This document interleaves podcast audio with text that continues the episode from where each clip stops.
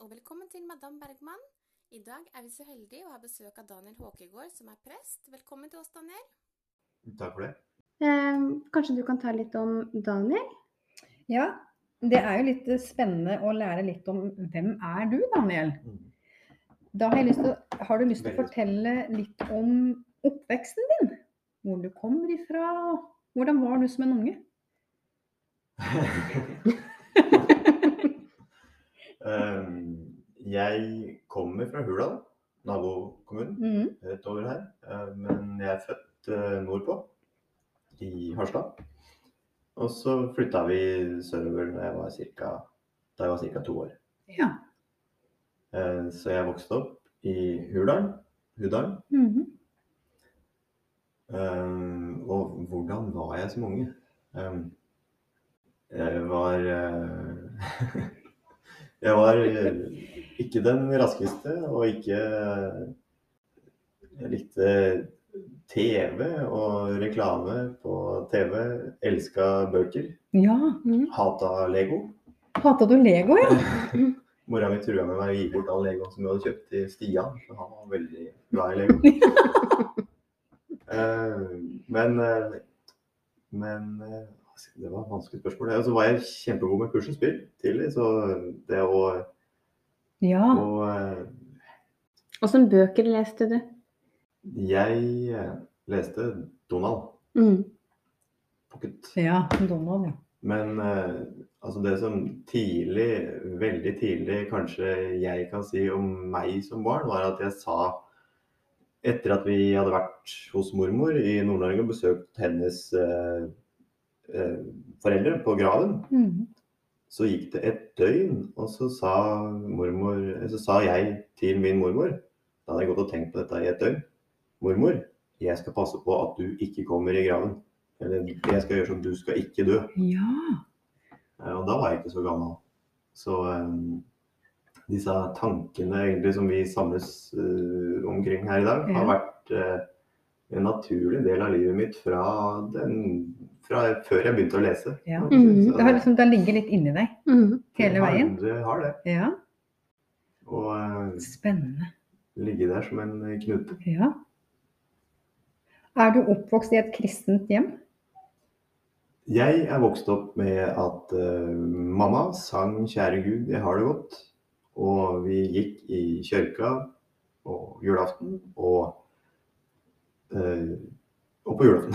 Ja, Så det var ikke noe mer utenom denne Så svaret faste er jo ja, Ja. og svaret er nei. Ja. Mm, si. Det Ja. er, eh, jeg pleier å si at jeg ikke er vokst opp i et kristent hjem. Ja. fordi med et kristent hjem så tenker man på noe spesifikt.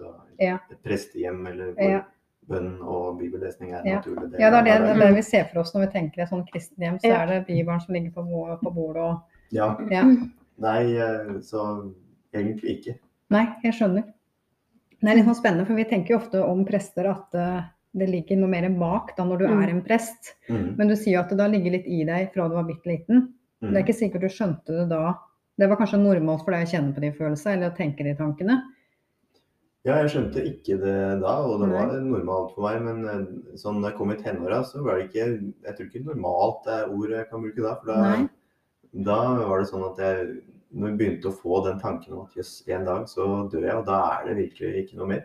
Nei. For alltid. Ja. Som mine kamerater forkynte for meg, og Ja. som vi på en viss måte lærte i skolen, Mm. Ja. vil jeg si. Mm. Og når jeg fikk de tankene, så måtte jeg liksom riste kroppen sånn, Ja. for å få det fysisk ut av huet, eller løpe, eller Ja. gjøre et eller annet. For det, Ja. det gikk ikke. Det var noe som ikke stemte. Det ble helt feil for deg. Ja. Ja.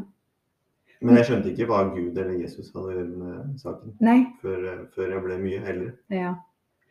Når skjønte du at du hadde lyst til å bli prest?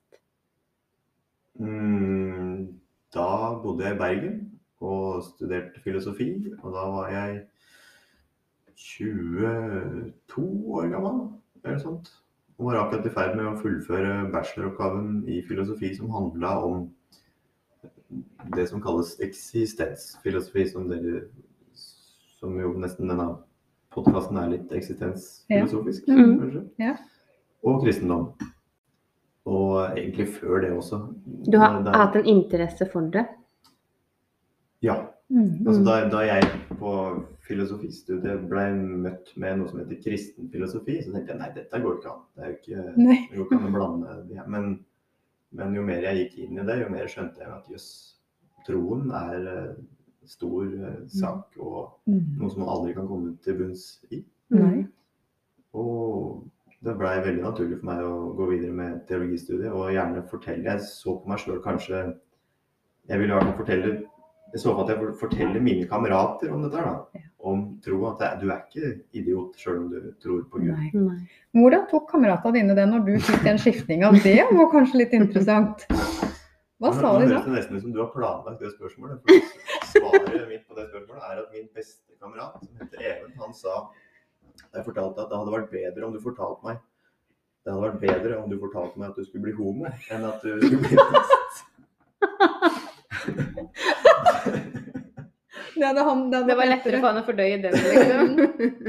Det sier jo litt om både hvor homofob og kristenfob han eh. Men når det er sagt, så er vi fortsatt gode venner. Han var forlover i bryllupet, og jeg skulle ha døpt ungen hans. Og, Ja, så det- koselig. Hvis jeg ikke hadde vært opptatt. Så vi er fortsatt gode venner. Ja, så bra. Og det er hans humor. Ja. Ja. ja. ja, det blir jo hans humor, så klart. Det er litt morsomt. da. Mm.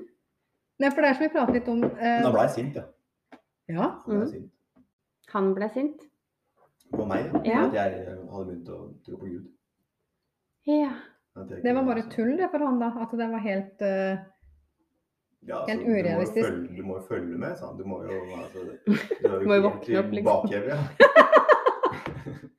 Men, Og det er både han og kameratene. men det syns jeg er litt interessant å se hvor forskjellige vi er. Ja. Mm. Og det er, jeg tror kanskje det er derfor mange som har sett på kristendommen og det å på en måte gå i kirka, det å tro, det er på en måte et visst kan kalle det et visst folkeslag. altså Det blir veldig sånn satt i bås. Eh, Mm. men som jeg har Særlig i Norge, ja. Ja. ja. Ja. Eh, vi har jo snakka veldig mye om sånn som i USA f.eks. Så er det så mye mer åpenhet for det å tro på Gud og snakke om Gud. De, Mm. de bruker det i mange flere settinger enn det vi gjør her. Vi hadde jo, Det er jo forum, kontaktforum Hadeland Amerika ved Ole Gamme oppe i, på Granavolden her. Og reiser rundt og besøker sine great great great grandfather Ja. som ligger begravlagt på, Ja. på, på. Ja. Og de, vi hadde, jeg hadde engelskspråklig gudstjeneste for disse amerikanerne. Oi! Og da merka jeg jo det forskjellen på å ha en norsk gudstjeneste Mm. hvor vi jo Ja. stemmer i salmesangen. Hvis vi er heldige, så kan det Mm. lyde bra. Og, og hvis ikke, så er det kanskje litt rått. Men med amerikanerne, Det tok da. Ja. der tok det av. Ja. Når jeg var ferdig med å lese søndagens tekst, så- kom det automatisk fra alle 'Praise be to the glory of God'. Som Ja. en respons på Så gøy! 'Such is the word of the Lord'. Ja. bang! sa det. Men åssen er det å få den Og tenk at responsen, disse kom, dette er da eh, etterkommere herifra. Ja. Så du snakker om biologi og kultur. hva som- Mm. Det er jo samme genene. Ja. Samme. Mm. Det er jo Ja. Det er samme greia, men i to, i to forskjellige land nå, da. Men hva, hvordan var responsen? Ja, åssen da, var- Jeg ble jo helt sjokkert. Så gjør du presten må da kommer. Det må jo være fint òg. Ja, ja, ja. Det er eh, tenke på at eh, noen har det faktisk sånn. Ja. Jeg liker jo litt rolig, og jeg jeg Begge deler er fint. Mm. ja. Mm. Ja, for han får sikkert sin egen måte når du er prest. Da du på en måte er jo den presten du føler er riktig for deg. Mm. Eh, Mm. For det er jo ikke noe fasitsvar på hvordan en prest er heller. Det finnes en bok, jeg husker ikke hvem som har skrevet den, den heter 'Ingen introverte i himmelen'. Ja. Mm. Som har satt fingeren på det at hvis du skal være kristen, da må du være litt eh, Ja. Ja. Da må du være litt uh, ekstra spesiell, rar, Ja. utadvendt kanskje, og Ja. fortelle om Jesus, ikke minst. Det er jo, Mm. det er jo viktig nok. Men altså, det er, noen er utadvendte, og Mm. for dem er det veldig lett å, Klart. Å være kristen på den måten. Så andre er jo innadvendte. Ja. Mm. Sånn er det bare. Sånn er det bare. Vi er forskjellige. Ja, og vi finner vår måte å gjøre ting på. Mm. Eh, Litt tilbake til han eh, kompisen din når du prater om at du eh, Når du da på en måte forteller de rundt deg at du vil bli prest, da. Da tenker jeg litt på at da skal jo du òg klare å være ganske sikker på hva du ønsker for deg sjøl òg, og klare å stå i det når du Mm. får de kommentarene òg. Ja. Syns du det var vanskelig når du da hadde bestemt deg for å bli prest, og det var på en måte din greie, dette skulle du gjøre, og så får du litt motgang utenfra. Det er normalt i Mm. alt en gjør òg. Mm. Hvordan klarte du å stå så sterkt i det valget du hadde tatt da, for deg sjøl? Nei, det ble jo forsterka. Det ble forsterka. Er- Ja, det var Det var jo ikke tema engang. Og, og Det er nok sånn at eh, da, da ble jeg enda mer. Da gikk det en faen i meg. Eller Ja, hva det ja, jeg skjønner. heter. Ja. Da slo det heller den Og, veien, ja. Og C.S. Lewis, som har laga Narnia-bøkene, han Mm. var jo ateist og blei troende. Mm. Da han fant ut at folk sier at ja, jeg skulle så gjerne ønske at det fantes et liv etter døden, at Gud fantes, og jeg skulle så gjerne ønske det. Og nettopp derfor så finnes han ikke. Nettopp derfor så er det ikke sant. Nettopp derfor så er det bare ønsketenkning, og nettopp derfor så er det på oppstandelsen og alt det er bare ønsketenkning. ja. Men han så plutselig så snudde mynten på andre siden at nettopp derfor så er det sant. Mm. Eh, og jeg mener det fortsatt at uh, når man snakker om det ondes problem, så syns jeg at bevisbyrden ligger jo på den som ikke tror, sin side. Som Mm. kan gå god for at denne verden her er god nok. Mm. Jeg syns ikke den er god nok. Nei. På en måte. At Nei, den er veldig god, ja, og den er ikke god nok. Altså, så lenge død finnes, så godtar jeg ikke Nei. verden. Nei, jeg skjønner hva du mener. Mm. Eh, Jeg kjente jo ei en gang, og hun sa det at eh, hun var helt bevisst på det, at eh, det vi lever i nå, det kalte hun for et helvete. Eh, Og når vi dør, så kommer vi til himmelen. Det sa hun til meg. Ja, at hun- du, at fordi at du hun- levde i helvete nå, og at himmelen var Ja, fordi at Ja. hun følte at det, det var mye bra på denne jorda mens vi levde. Men hun at hun syntes det var så mye eh, negativt. Det var så mange som døde. Du mista noen. Du, du kom i konflikter. Du møtte på, på problemer. Eh, og det at du på en måte skal sitte at du liksom på en måte miste folk rundt deg og liksom på en måte miste ting. Du skal på en måte miste så mye. Eh, men liksom når du da dør, da kommer du liksom endelig hjem, mm. mente hun.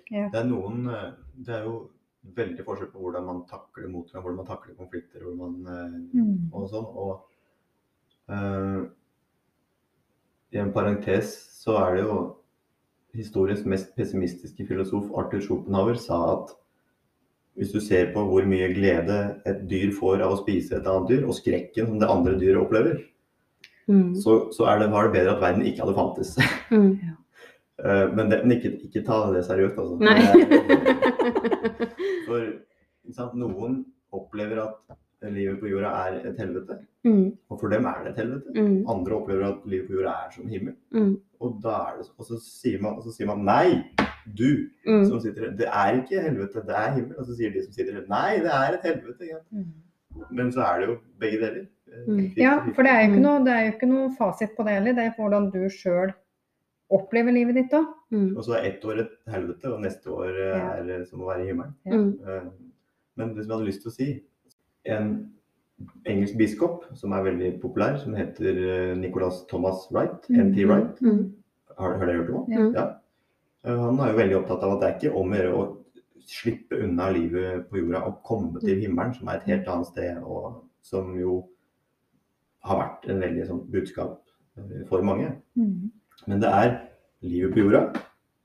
Og når man er, går ut av livet på jorda, så går man, kommer man til Gud. Mm. Men, er, men det er ikke den siste fasen. Den siste fasen er så du kan si eh, jorda, himmelen. Men tredje stadium er det nye livet på den nye jorda under den nye himmel med ny kropp som ikke skal dø. Eh, blanding da, av de to. Men Ja. fase to er jo å slippe lidelsen som man har opplevd. Ja. For livet på jorda er jo vanskelig. Mm. Så en slags Ja. hvile, Ville vi, Stopp. hvilestopp Ja. Mm. eh, sammen med Gud, sammen med Jesus, og så oppstandelsen. Mm. Eh, som du har pratet på, at det, det, noen opplever at Som vi sier, det, alle, alle opplever motgang. Mm. Og da igjen, da, sånn som du som en prest. Ingen tror at du kan oppleve motgang her i livet. Du er jo, du er jo en prest, og du har, eh, du har en sterk tro. Hvordan takler du motgang og problemer i ditt eget liv? Hvordan håndterer du problemene dine? Er, ber du til Gud med en gang? Jeg ber jo mye til Gud, Ja. eh, og Paulus sier at vi at vi skal alltid be, eller be så ofte dere kan. Ja. For, um, I mer karismatiske miljøer, så på sitt verste altså Karismatiske miljø kan være veldig bra, men der er det snakk om at hvis man tror og hvis man er kristen, da går det bare godt. ja. Det går bare oppover. Det går bare oppover. Men vår kjære Martin Luther eh, kalte det for herlighetsteologi. Eh, og han var ikke noen fan av det. Han eh, mente at alt må gå gjennom eh, korset, gjennom lidelsen. Det å være kristen, det er å gjøre bot hver dag. Eller Mm. det å leve er å gjøre bot. Mm. Og at vi har ikke noe annet gledelig budskap enn eh, Jesus Kristus eh, korsfestet Mm. for oss. Nei. Og vi blir ikke lova noe bedre liv enn det, egentlig. Nei, vi gjør ikke det. I utgangspunktet. Men eh, så har jo Gud lyst til å velsigne oss med mat, unger, Mm. solskinn og Ja. hobbyer og alt mulig Mm. har han jo lyst til å gi oss. Men det er ikke det som er eh, Ja, nei, det blir i hvert fall at, at jeg skal slippe motgang fordi jeg er prest. Det, Det blir helt feil. det, det blir helt feil. Det kan jeg kanskje slippe unna med i Amerika, men ikke, Ikke i Norge. ikke i Norge. Nei. Men åssen takler du motgang, da? Ja, ikke sant. Det gjør jeg jo ikke. Jeg det, har hatt én gang i Jeg har hatt mye motgang, det har vi jo Mm. eh, alle. Eller ja, ikke mer enn alle, men alle opplever jo motgang. Men én gang har jeg opplevd eh, motgang eh, som jeg ikke har eh, takla. Men mamma spurte kommer du til å miste troa på Gud nå. Og da sa jeg hvis jeg, hvis jeg mister den nå, da er, helt, da er det helt Det er nettopp nå jeg ikke kan miste troa. Ja. Så fint. Det er sant. For da veit jeg ikke opp eller ned eller Nei. bak eller fram. Men den kan jeg lese fra Bibelen? Gjerne, det? Ja, jeg gjerne. tatt eh, Jeg håpa du skulle stille noe i den. Vi leser jo veldig ofte fra, eller av og til, fra Salme 23 når vi har gravferd. Ja. Herren er min hyrde, jeg mangler ingenting. Mm. Og i den perioden da jeg opplevde mitt livs til da tyngste sorg, Mm. så var det sånn Man klarer ikke å man klarer ikke å håndtere det. Det er som det Mm, bare Det blir så voldsomt. Det blir så Mm. voldsomt. Og da og ikke sant, Jeg prøvde å lese i Bibelen, jeg prøvde å lese andre bøker, og det klarte ikke det engang. Nei. Eh, Men så kom jeg på det som jeg pleier å si til folk i begravelse, eller lese for folk. Der står det litt ute i salmen. Ja. Du salver mitt hode med olje, mitt beger renner over.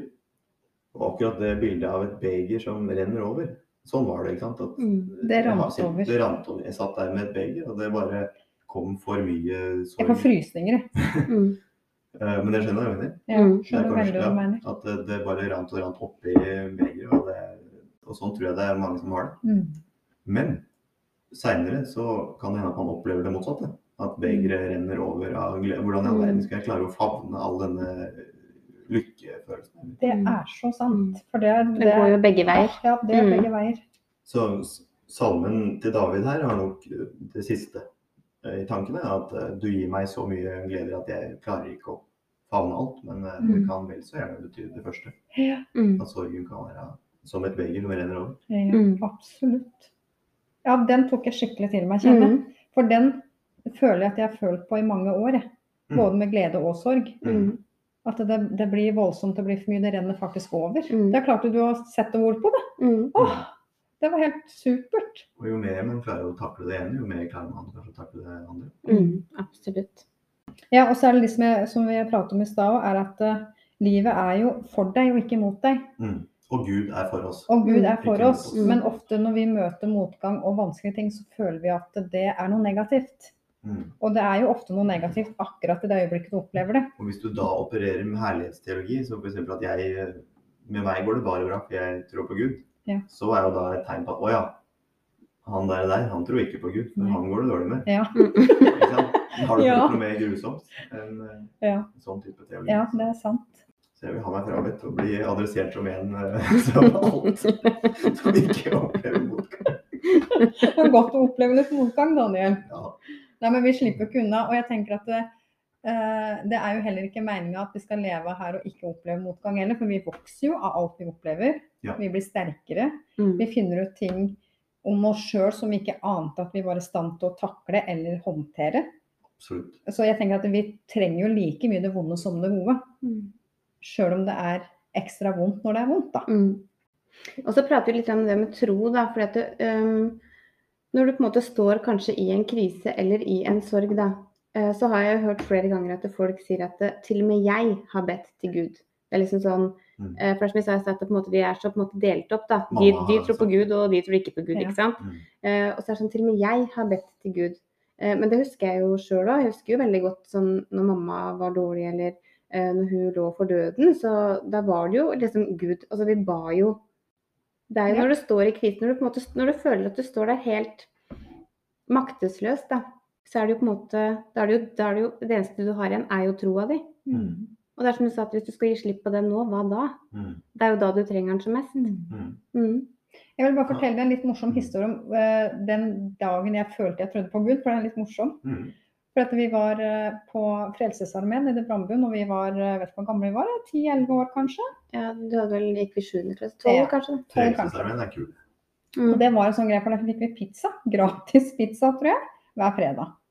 Eh, og da var det jo prat om Gud, og det var liksom prat om og vi synes, Jeg syns det var veldig interessant.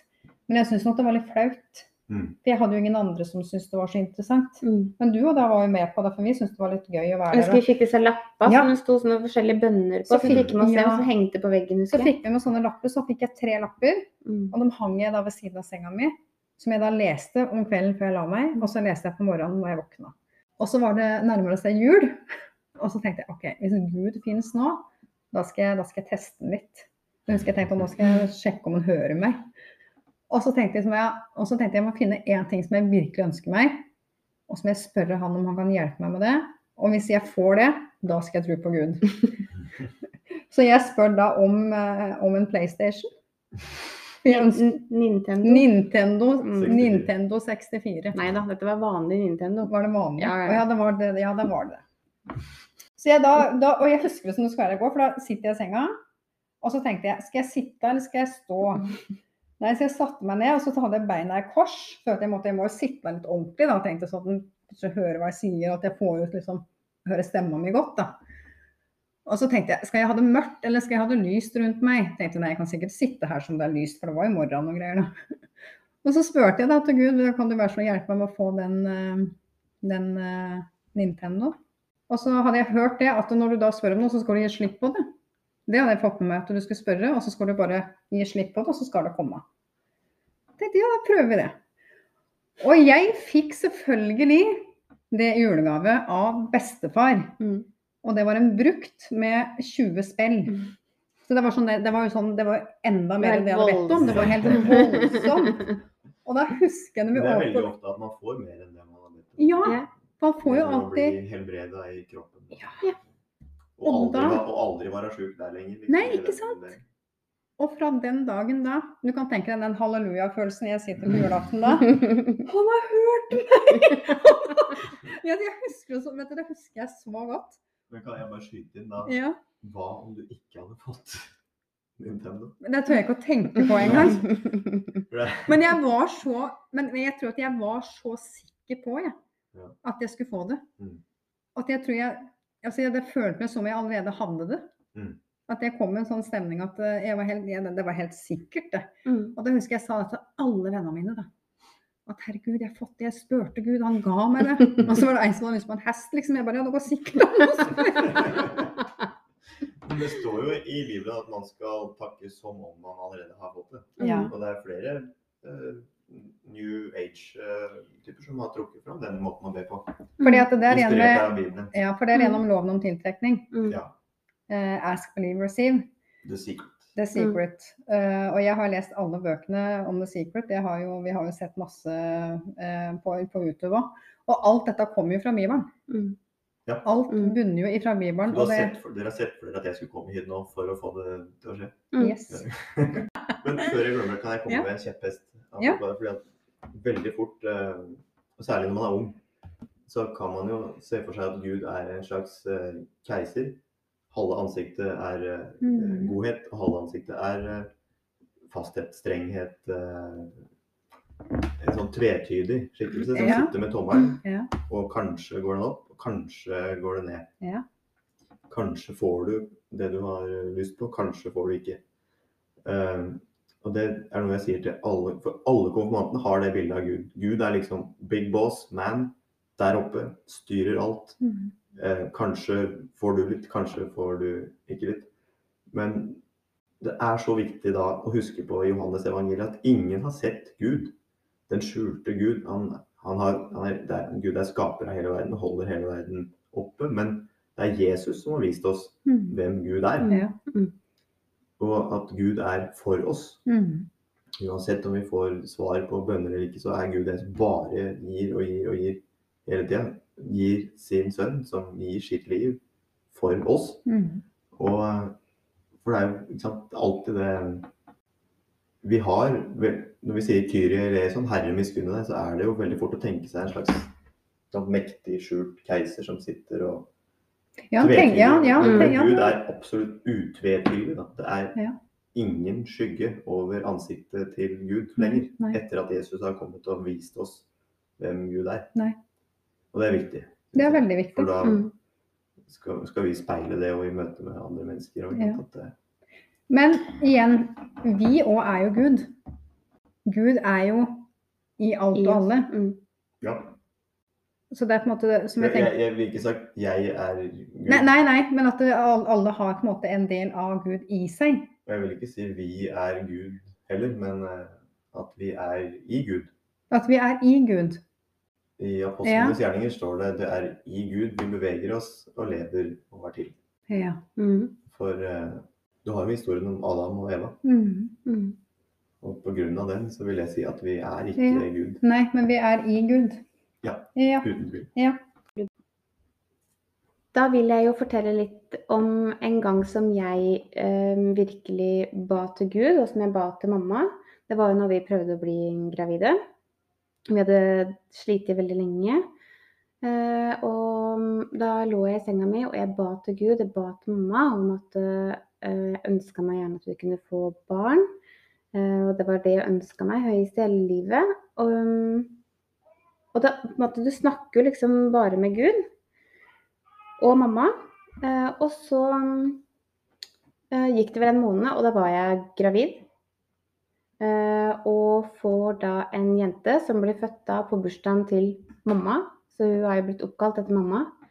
Eh, og da følte jeg virkelig at eh, når du på en måte virkelig har bedt om det, så har du virkelig fått det. Og du har fått et liv i gave. Og det følte jeg var et veldig sånn sterkt øyeblikk. Eller veldig sånn Mm.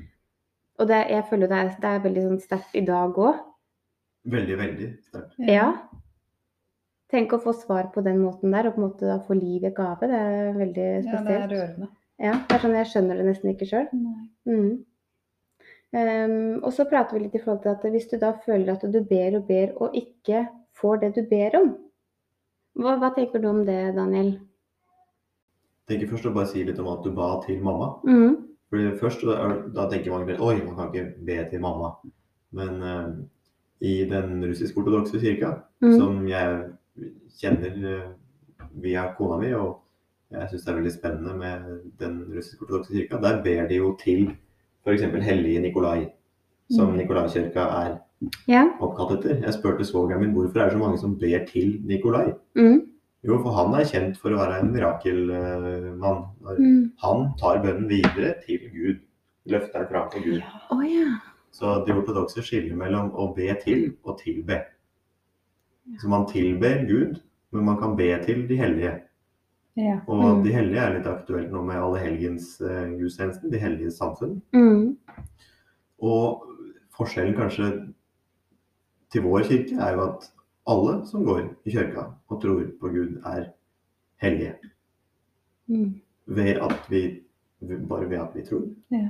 Eh, Ja. Katolikkene og de ortodokse har et helt annet syn på det. Du skal gjerne være mor Teresa for å være litt hellig, og da, da er det fortsatt langt å gå, liksom. Mm. Men Martin Luther er jo veldig morsom. Han sier alle de hellige samfunn er de som samles i kirka og tror på Gud og synger salmer. Og... Eh, Så sånn sett så syns jeg var veldig passende at du ba til mamma. Og så Mm. er jeg sikker på at hun ba sendte din bønn videre til vår far som Ja. er i himmelen. Ja. Og eh, det var jo Ah, nå blir jeg så rørt, jeg.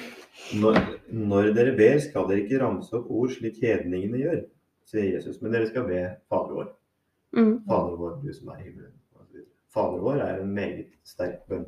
Fader vår, den kan vi jo, for den eh, husker vi, den ble pugga på konfirmasjonen eh, når vi skulle konfirmeres. Ja, så bra. Ja, men det er sånn Men den endres litt for mye. Ja, Den gjør det. Så nå, jeg har lyst til å si fader vår, så sier jeg liksom den der versen jeg lærte da jeg var 15. Ja, jeg gjør sånn, ja. Apropos språket i Fader vår, skal jeg si dere noe helt rart. I, eh, da jeg kom som prest til Nord-Norge, så opplevde jeg at det å stoppe blod, stoppe blødning, er noe man gjør. Mm, Dere ja. smiler, har dere? Ja, ja vi vi, altså, vi har jo familie i nord, så vi er jo veldig kjent med det å stoppe nord. Ja. Eller stoppe nord. Stoppe Stoppe blod. blod, vi vet mye om det der. Stoppe blod Ja. og helbrede Mm. ved Guds ord. Altså, det kan jo hende at Fader vår er litt involvert i den prosessen. Ja. Og det var en gammel finsk dame som sa til meg at eh, da hun skulle stoppe blod, så det nytta ikke å bruke 2011-versjonen. Nei, jeg, Helliget vorde ditt navn. ja, Ja. jeg skjønner det. Og så er det jo en del av tradisjonen at man skal ikke fortelle alt som man gjør. Det Nei. sendes videre gjennom en. Ja.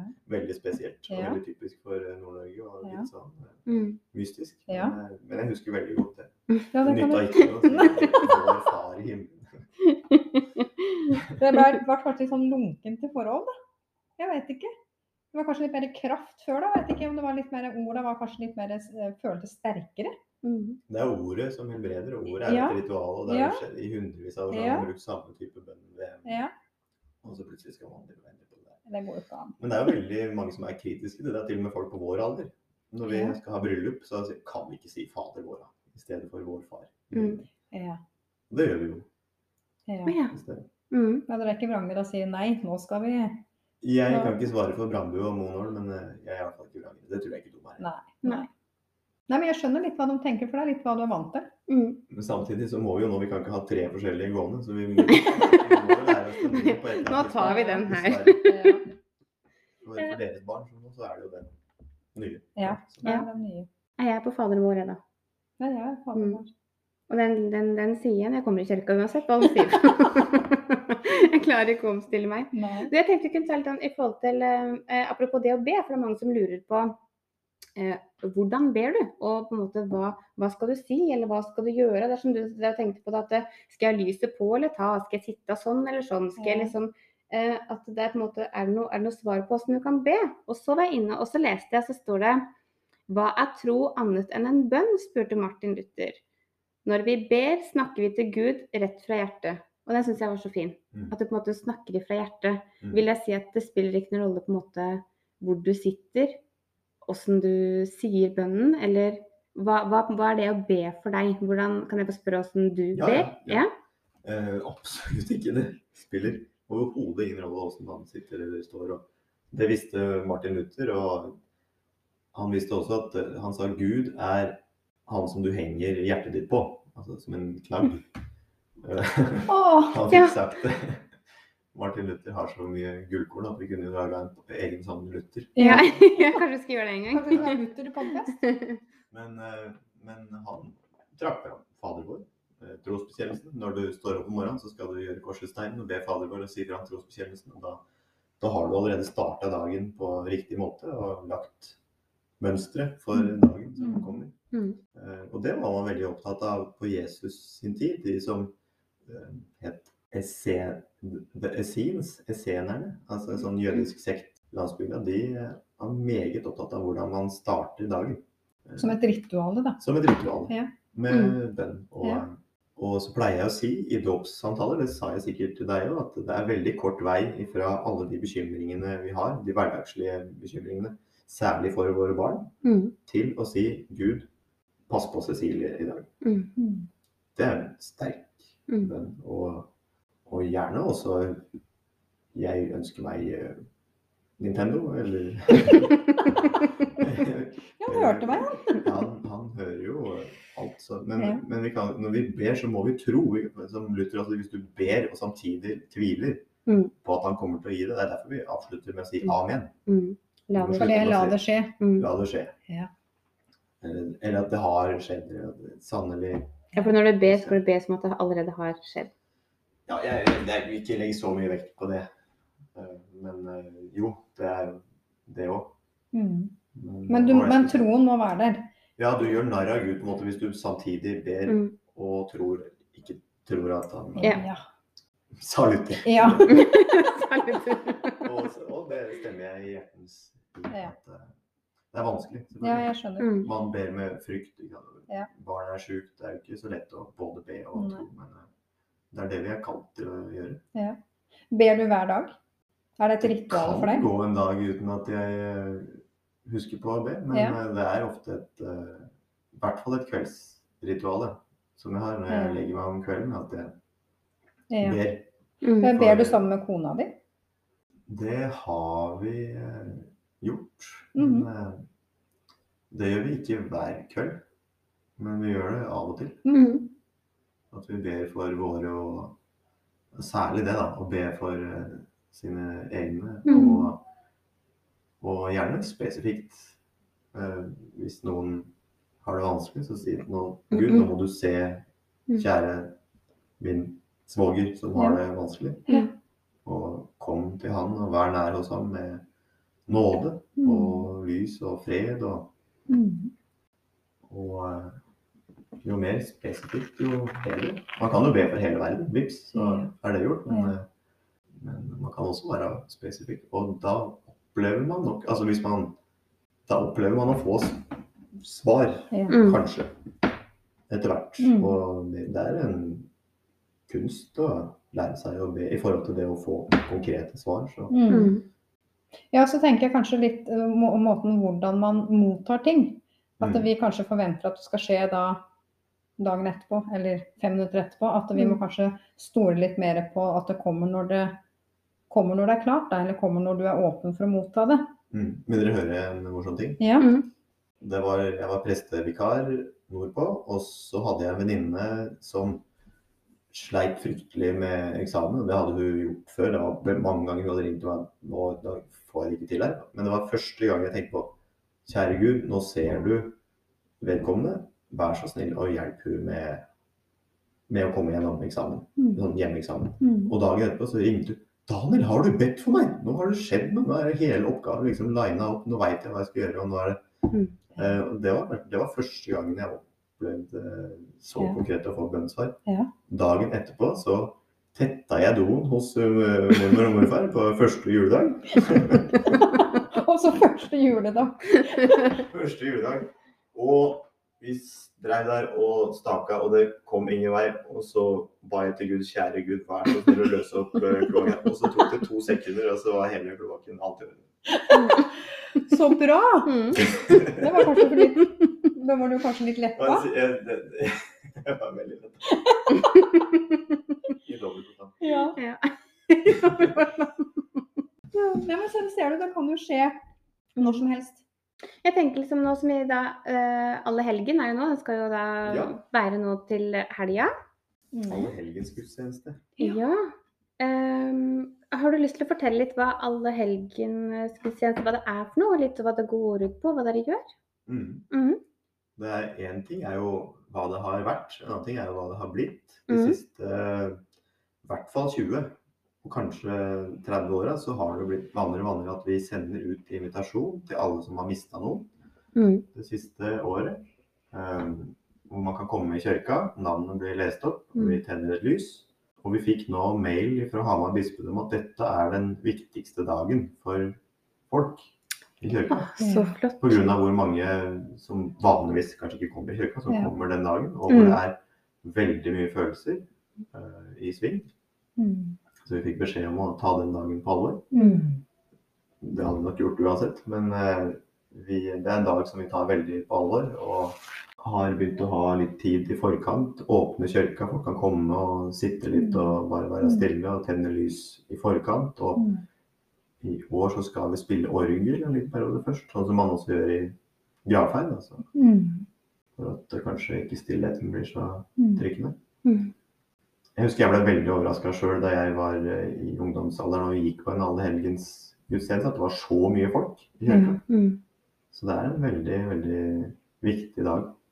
Vi har jo hatt, vært med på det sjøl etter at mamma døde. Mm.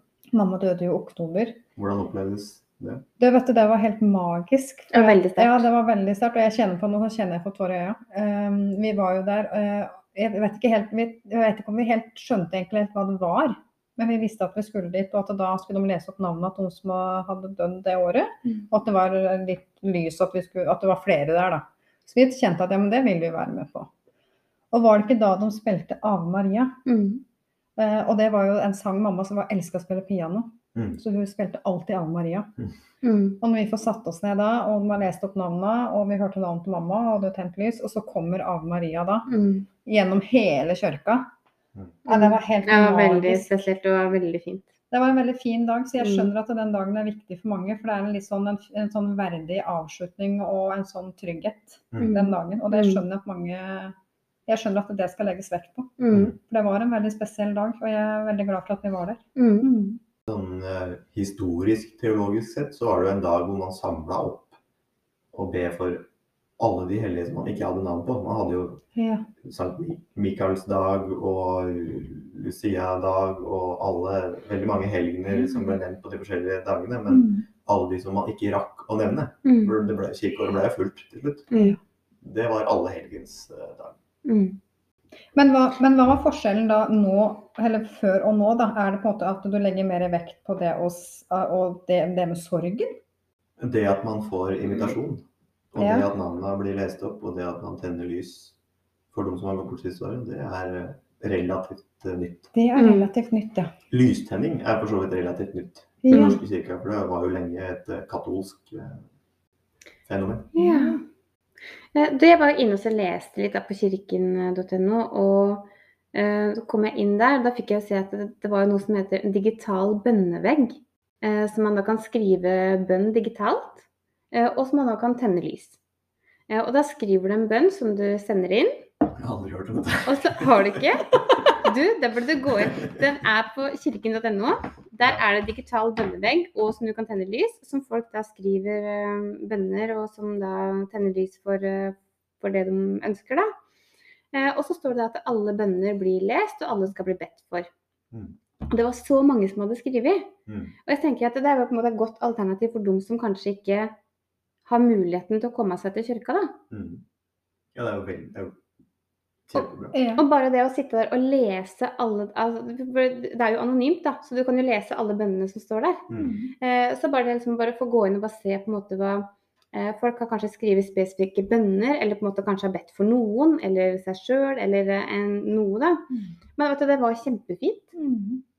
Da føler man kanskje et fellesskap med ja. de som har skrevet bønnene. Ja. Jeg syns det var kjempefint. Ja, jeg ante ikke det sjøl. Nei, ikke jeg heller. Så jeg ble så overraska da jeg så det. Så tenkte jeg at dette må være kjempefint for mange. Men jeg vet ikke hvor mange som på en måte veit om det. Så jeg tenker at det må jo på en måte um, tenker sånn Kanskje sykehjem f.eks. Det er kanskje mange som ikke har muligheten til å kanskje Mm. komme seg, eller som er syke, eller uh, som kanskje kunne ha hatt et ønske om å Mm. kanskje skrive en bønn, f.eks. Absolutt. Eller hvis Ja. han på en måte ligger hjemme i senga si og tenker at åh, nå skulle jeg ønske at jeg kanskje kunne skrive en bønn, eller at du bare kan faktisk gå inn og skrive. Mm. Mm. Så da kan folk som hører på finne den eh, linken, da, kanskje. Ja, Ja, det går på kirken.no, og så lurer jeg på om det lå under eh, Det skal jeg sjekke. Jeg skal ta så legge det i, um, Ja. i beskrivelsen. Ja. Mm. Um, Jeg er litt sånn dinosaur når det gjelder uh, digitale da skal jeg vise deg etterpå. Ja. Eh, hva er det kirka kan tilby? på en måte, jeg tenker sånn, Kirka er jo på en måte en, eh, kan jo være en trygghet for veldig mange, og dere har jo på en måte veldig mange ting som dere tilbyr i forbindelse med eh, sånn som ja, alle helgen og sorg og sånn. Mm. Eh, hva er det dere hva er det dere tilbyr? Rent eh, konkret i virkeligheten så tilbyr vi jo uh, samtale. Det er Mm. jo veldig Det har jeg vært nøye på i min tjeneste her på Gran. Å Ja. gjøre folk klare at de kan komme til meg når som helst. Gjelder det for med- absolutt alle? Ja, Uten unntak. Mm. Eh, Det er kjempeviktig for meg. Og Tor Johan Grevebo, som har skrevet om sjelesorg, sier at sjelesorg er nok kirkas en stor del av kirkas framtid. Mm. En veldig viktig del av kirkas framtid. Så Ja. eh, rent konkret så tilbyr vi jo samtale, og diakon som å ta tar vare på alle som har det vanskelig i alle aldre, er jo med på Mm. alle helgensgudstjenesten. Mm. Og kaffe og noe å Mm. spise og musikk og kirkerom og sånn. Det er jo det vi konkret tilbyr. Og det som vi i siste instans tilbyr som kirke, eller når de det er jo evig liv. Eller altså det er det, er det, vi, det, er det, vi, det er det som er pulsen, det er det vi lever ut fra, er jo håpet. om eh, oppstandelse Mm. og evig liv. Mm. Så det er begge det er de to endene. polene. Polene. Ja. Er det mange som kommer til samtale i kirka? Er det mange som ber om samtale? Du tenker på på kirkekontoret? Ja. Hvis de skal komme og prate, så må de komme på kirkekontoret. Ja, ok. Mm. Uh, ja, det var uh, en periode så var det nesten uh, for mye. Ja. Eh, særlig nå siste halvannet året så Mm, har det vært, etter det vært litt sånn nettprest og telefonprest og Ja. og også samtaler. Så ja. Mm. Det, men før det også. Men jeg tror ikke folk er helt klar over at de kan gå Nei. til presten. Jeg var ikke klar over det, så Nei. jeg har jo lært masse. For jeg leste jo litt før du skulle komme, da. eh, Og ble jo egentlig veldig overraska hvor mye eh, dere faktisk tilbyr, og hvor mye dere gjør, da. Mm. Ikke bare presten, forresten, men diakonen. Ja, det òg. spesialfelt. Ja. Ja. Og eh, nå i Iran har vi en ungdomsdiakon og en eldre diakon med klar arbeidsfordeling. så flott. Det er Kjempebra. kjempebra. Ja. Henholdsvis Lene og Ruth Kari. Ja. Ja. Mm. Og det er Eh, helt jeg har lest, ø, noe om sorggrupper òg. Mm. Er det diakonen som Ja Og så skal vi nå i gang på nyåret i februar. Alle som har gifta seg Man kan sjekke dette på kirken.no, men alle som har gifta seg i 16, 17 og 18, kan komme og være med på et eh, samlivskurs. Ja, så så flott. Ja, så man, Ja, kan, ja, så man kan slippe å liksom eh, skille seg igjen. Ja. Eh, Eller det er jo, mange- det er jo dessverre Ja. Sånn er det jo, at det Mm. skjer skilsmisser. Ja.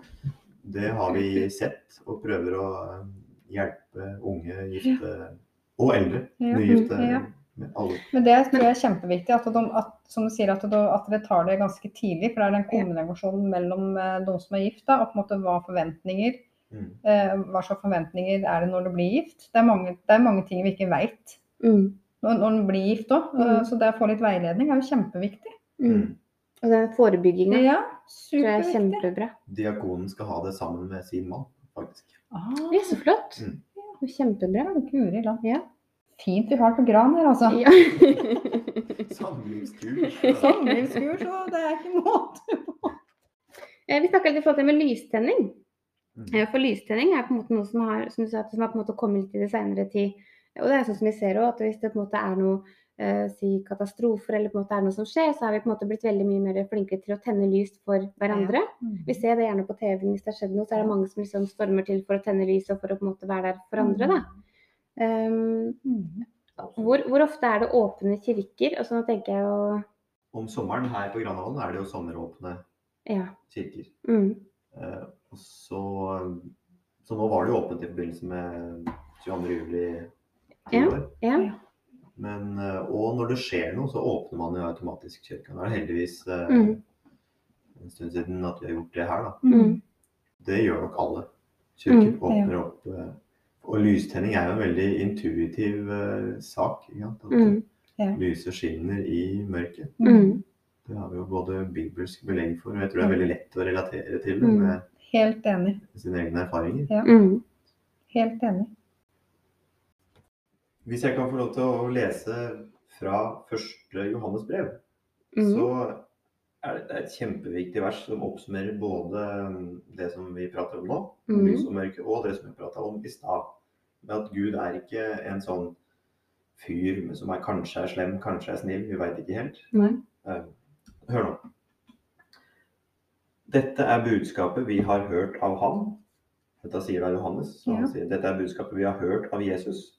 Jesus er jo nå både død og oppstanden når han skriver dette brevet. Dette er budskapet vi har hørt av ham og forkynner for dere. Gud er lys. Det finnes ikke mørke i ham. Sier vi at vi har fellesskap med ham, men vandrer i mørket, da ljuger vi og følger ikke sannheten. Men dersom vi vandrer i lyset, slik han sjøl er i lyset, da har vi fellesskap med hverandre. Og blodet fra Jesus, hans sønn, renser oss fra all synd. Mm. Jeg syns det er fint. Da, men er jeg, jeg er ikke så kobla på mange som er kobla på den som vi prata om i stad, den religiøse, ikke-religiøse. De Mm. synd- Med en gang man prater om synd, så kommer det opp sånne ja. Men det gjør ikke Men- det hos meg. Nei, jeg tenker at det er en viktig del Altså det er jo en del av livet, tenker jeg. Mm. Jeg tenker at det er viktig at vi får med begge deler. Jeg tenker Det å sette Ja. ord på det, som vi sa. Ja. mm. at Man er ikke negativ. Fordi at man, når man bekjenner sin synd, det er da den forsvinner. Mm. Ja, Ja, det, eller det, er, det er da vi får Når vi bekjenner det, det, det er jo i fortsettelsen her, da. Sier vi, sier vi at vi ikke har synd, da bedrar vi oss sjøl, og sannheten er ikke i oss. Mm. Men dersom vi bekjenner våre synder, er Han trofast og rettferdig, så Han tilgir oss syndene og renser oss for all urett. Mm. Det er jo et vers som er det da vi sier halleluja? Ja, det er halleluja. Det er halleluja. det, Det er et velkjent vers, men det, er, men det å relatere til det Ja. med, med følelsen er jo Ja. viktig. Veldig. Og det var sterkt. For pendelen har nå svingt ifra som jeg liker å si, for et par generasjoner siden, så var alt synd. Kortspill var synd, dans var Ja. synd. Det, det, det, forstår du jo ikke nå. Nei, vi kan ikke skjønne det. Og man kunne ikke dra på kino, for det kunne hende at Jesus kom tilbake og tok med sine utvalgte mens de andre var på kino. Tenk I det. jula, så. Ja. Og så har det nå svingt over til den helt andre sida, at hvis du er en prest som begynner å prate om synd, da er du, liksom, da er du litt for mye pessimist. Og, Ja. Og man, man vil ikke høre om synd. eh, Men, men å klare å finne en slags mellomvei der, Ja. det syns jeg er viktig i jobben min. Helt enig. For vår del, ikke sant. Ja, jeg er helt Og jeg tror at uh, for de som på en måte er si, ikke-troende, eller troende altså Det er veldig mange som på en måte lever et liv som på en måte De har vel kanskje en viss tro, men de er kanskje litt usikre, eller Mm. Og jeg tror det er mye lettere å nå ut til flere med en sånn tilnærming som du har, enn at du skal liksom tenke at nei, at du, det er faktisk veldig sånn svart-hvitt på Mm. det å være troende, da. Mm. For vi kan Ja. ikke, det er- Jeg tror ikke vi i vår generasjon kan relatere til prest. Og det er ikke noe synd, eller? altså, altså, her prater vi ikke om noe vanskelig. Her ser vi bare Gud er kjærlighet, og alt er bare liksom Så vet vi at det er ikke Sånn er det jo Nei. ikke. sånn det ikke. Og det er jo ikke meint at Nå, det skal være altså, nå sånn. er jeg litt eh, kanskje slem med andre kollegaer og sånn, men i hvert fall folk som er litt eldre enn meg, da, Ja. og som har opplevd hvordan kirka var, Ja. har nok opplevd at altså, de eh, preker til seg sjøl, kanskje. ja. Det er Ja, Ja, jeg og så- skjønner. Og så er vi åpne for at vi er forskjellige, og at vi, ehm, vi gjør ting på vår måte. Og det, altså, det er greit. det er greit. Mm. Så jeg tror ikke det på en måte handler om at du sier noe Nei. negativt om noen andre, men det er at vi gjør ting på vår forskjellige måte. At vi, vi når ut til forskjellige grupper, tror jeg. Ja, Ja. ikke minst. Ikke minst, ja. Og så er det på en måte forskjellige generasjoner som du prater om òg. Hvordan, eh, hvordan eh, du opplever og hvordan det er å være en prest da, i forhold til en generasjonen over deg. Altså, det, er jo, det er jo ikke noe fasitsvar på det heller. Nei. Og det er det som er så bra. Det er ikke lenge siden at det å lytte til Alf Prøysen-viser var eh, synd. Ja, da har vi synda mye, Merete. vi har elsket Alf det- Prøysen. Ja, ikke sant. Det ja. Men da jeg var jo Alf Prøysen i beste fall kjedelig. Ja. Mm. at det skulle være synd å høre på Prøysen. Det er så fjernt at liksom Ja, det er ganske fjernt. Ja, jeg tenkte jeg bare skulle si litt om at uh, liksom på at kirka det er jo åpent for alle. Uh, og så var jeg inne og så leste litt, igjen, og da skriver de at det- kirka skal være åpent for alle. Og det skal være et sted uh, å sørge, savne, håpe, le, fortvile, være sinte og alt som høres med når vi minnes våre kjære som har gått bort. Absolutt. Mm. Og det er, og det er en bønn òg. Altså, Ja. man kan være sint og be, man kan være glad og be, man kan Mm. være skuffa og be. Og, Mm. Ja, jeg tenker at det er veldig viktig å på en måte få ut at dette her er Det er åpent for alle. Ja. Mm. Alle og alt. Mm. Mm. og det er heldigvis på Allehelgen, så veit eh, folk vet litt det. At når du får invitasjon, og så veldig mange som tør å komme Mm. på Allehelgens gudstjeneste. Jeg vil anbefale alle å komme på allehelgensgudstjeneste. Jeg syns det var veldig fint. Ja, det anbefaler jeg òg. Det var som jeg sier at det er en dag jeg er veldig glad jeg var med på. Mm. Uh, Så møter du veldig mange i samme situasjon. Ja. Uh, Du får litt den, der, den tryggheten, det, der, det fellesskapet. du føler deg ikke aleine. Nei. Føler deg ikke aleine i sorgen. Mm. Så jeg er helt enig. Jeg anbefaler alle å reise på allehelgensgudstjeneste. Mm. Uh, gudstjeneste. Det er Jeg syns det var magisk. Mm. Hvis jeg kan si magisk. Hadde du lyst til å lese Ja. lese Dette begynte jeg med i, i Nord-Norge, og vi har fortsatt med det her. Jeg tror faktisk hun gjorde det her og før jeg kom. Mm. Svein Ellingsen er en salmedikter som opplevde masse motgang. Ja. Men apropos det å overkomme motgang, så kom det, det kom utrolig sterke salmer ut av det. Mm. Han gravla vel i hvert fall ett barn av sine egne. Så, Mm. uh, han sammen med Eivind Skeie er de to salmedikterne som har flest salmer Ja. i boka. Eivind Skeie har uh, skrevet 'Nå er den hellige time' Ja, og så videre. Ja. Men nå skal jeg lese Svein Ellingsen, uh, salme som leser hver, hver allehelgen. Nå åpner savnet sine øde vidder. En ukjent strekning ligger foran deg. Frykt ikke ensomheten på din vandring. Du skal få styrke på din smertes vei. Her i din nød, hvor alt er fylt av fravær, er Gud nær deg og rekker deg sin fred. Du snur ditt ansikt og må se tilbake. Ti tusen ganger skjer det om igjen. Du går allikevel i livets retning når du lar sorgen bli din følgesvenn. Din fot blir ledet over gåters avgrunn, og i din uro får du eie fred. Litt efter litt igjennom savnets smerte må du bli løst fra mange sterke bånd. Men gjennom sorgen når du nye dager, der nye hender venter på din hånd. Og fra vår fremtid kommer Kristus til deg og fyller alt med nærvær og med fred. Ja, den var veldig fin. Ja, Man skal ikke si at eh, salmer er eh, kjedelige, altså. Nei. Nei. Nei, den var eh, virkelig fin. Jeg kunne synge, men det hadde ikke blitt noe. Nei, den, den kjente jeg. Mm. Apropos Vær så god. Apropos sang, er det lov til å ønske seg noe sang her? Så er det en helt utrolig vanvittig sterk tekst av Prøysen. Prøysen på sitt eh, beste. Eh, en, tekst, en sang som heter 'Skaff meg en synder'. Mm. Knut Anders Sørum, som dere kjenner, Ja.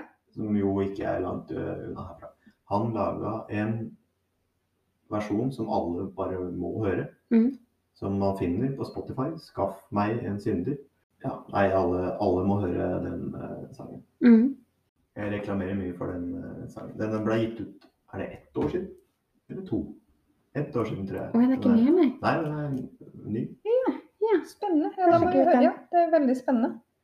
Eh, det har vært utrolig hyggelig å ha deg med. Mm. Eh, du er så jordnær, og du formidler alt på en så fin måte. Jeg tror det er mange som klarer å kjenne på en måte det der, og den praten her har flytet. Det har vært veldig sånn naturlig, Mm. som vi var ute etter. være Takk. Ja, så koselig. Eh, nei, vi prata jo på mm, eh, Når vi skulle ha den her, da, så tenkte vi jo eh, Vi skulle ha med oss en prest. Og det første vi tenkte på, eh, var jo deg. Jeg husker deg så godt ifra dåpen til um, eldste dattera mi. Mm. Da kjente jeg bare Oi, for en flott prest. Eh, for du var så jordnær, du var så åpen. Det, på en måte, alt ble veldig sånn eh, naturlig. Og du hadde en så veldig fin tilnærming eh, når du hadde messe. Da. Det, var, det var så fint. Mm. Så du var den første vi tenkte på. Mhm.